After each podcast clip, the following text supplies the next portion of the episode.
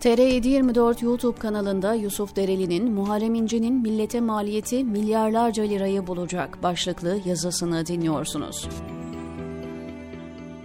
14 Mayıs seçimlerine bir hafta kaldı. Anket sonuçları ardı ardına açıklanıyor. Ortalama 10 anketten 8'inde Millet İttifakı'nın adayı Kemal Kılıçdaroğlu önde görünüyor. Yine genel ortalamaya göre ilk turda seçimi kazanan yok. Ancak ilk turda kazanmaya en yakın aday CHP lideri Kemal Kılıçdaroğlu. Son açıklanan anketlerde 4 adayın yarıştığı ilk turda Kılıçdaroğlu'nun oy oranı %48-49 bandında görünüyor. Memleket Partisi'nin lideri ve adayı Muharrem İnce'nin oy oranı ise %4-5 bandında ölçülüyor. Yine anketlere göre İnce'nin oylarının yaklaşık %75'i CHP tabanından geliyor. Dolayısıyla Kemal Kılıçdaroğlu'nun ilk turda seçilememesinin ve Türkiye'nin yeniden seçime gitmesinin tek müsebbibi Muharrem İnce olacak. Muharrem İnce muhalefet açısından ikinci turda yaşanacak muhtemel bir yenilginin de sorumlusu olarak tarihe geçecek. Peki bütün bunlar Muharrem İnce'nin umurunda mı? Hayır. Son yaptığı açıklamalar da bunu gösteriyor zaten. Eski CHP Genel Başkanı Hikmet Çetin'in açıklamasına göre İnce, CHP'den meclis başkanlığı ve bir takım başka taleplerde bulunmuş. Reddedilmiş. Çetin, görüşmede kendisinin seçimin ikinci tura kalmaması gerektiğini söylediğini, İnce'nin ise CHP düşünsün dediğini aktarıyor. 3 Mayıs'ta konuk olduğu Sözcü TV'deki açıklamaları da ilginçti. Babacan ve Davutoğlu ittifaktan çıksın, o zaman destekleyeceğim. Cumhurbaşkanı yardımcılığı filan istemiyorum, hiçbir şey istemiyorum. Söz konusu açıklamanın siyaseten hiçbir anlamı yok. Kendisi de bunun farkında.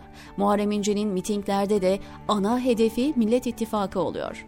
Muhalefeti dakikalarca yerden yere vuran İnce, iktidar eleştirilerini ise maddeler halinde hızlıca sayarak geçiyor. Muharrem İnce'nin ihtirasları Türkiye'ye milyarlarca liraya ve belki de kaybedilecek bir seçimle yıllara mal olacak. Cumhurbaşkanlığı ve milletvekili seçimlerinin birlikte yapıldığı 24 Haziran seçimlerinin bütçeye maliyeti ağır olmuştu. Siyasi partilere yapılan yardımların iki katına çıkması ve artan seçim harcamaları nedeniyle bütçeden çıkan paranın ilk kez 1 milyar lira sınırını aşarak 1 milyar 800 milyon 52 bin liraya ulaştığı açıklanmıştı. Bu rakama Yüksek Seçim Kurulu ve belediyelerin yaptığı harcamalarla adaylara yapılan yasal olmayan bağışlar da dahil değildi. 2018'deki 1,1 milyar TL resmi enflasyonla bile bugün yaklaşık 4,5 milyar TL'ye denk geliyor ki YSK ve belediyelerin harcamalarını da işin içine kattığınızda rakamın çok daha yüksek olacağı aşikar. Sandıklar yeniden kurulacak, yeniden görevlendirmeler yapılacak, oylar taşınacak, insanlar oy kullanmak için yollara düşecek, belediyeler seçim için seferber olacak, devletin kaynakları iktidar partisine aktarılacak vesaire en iyi ihtimalle yeniden yapılacak bir seçimin maliyeti 5 milyar TL olacak gibi görünüyor. Peki bu kadar parayla neler yapılabilirdi? Maliyeti 500 bin liradan 10 bin depremzede için bedava konut yapılabilirdi. Deprem bölgesindeki 50 bin esnafın her birine 100'er bin TL hibe verilebilirdi. Burada küçük bir hatırlatma yapalım. Son 15 günde yapılan anketlerin neredeyse tamamında Muharrem İnce'nin oy oranında ciddi düşüş olduğu görülüyor.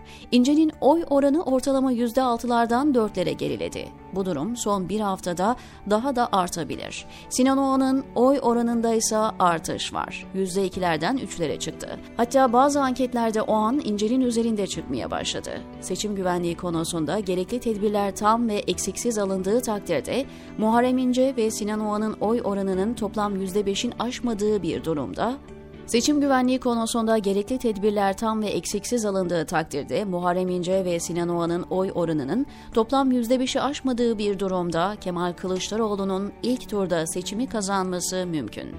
Diyelim ki ilk turda kimse kazanamadı. Bu durumda seçim ikinci tura kalıyor ve bugüne kadar yapılan tüm anketlerin ortalamasına göre Kemal Kılıçdaroğlu en az 5 puan farkla kazanıyor. Bazı anketlerde 52'ye 48, bazılarında ise 55'e 45 oy oranıyla Kılıçdaroğlu seçimi kazanıyor, diyor Yusuf Dereli TR724'teki yazısında.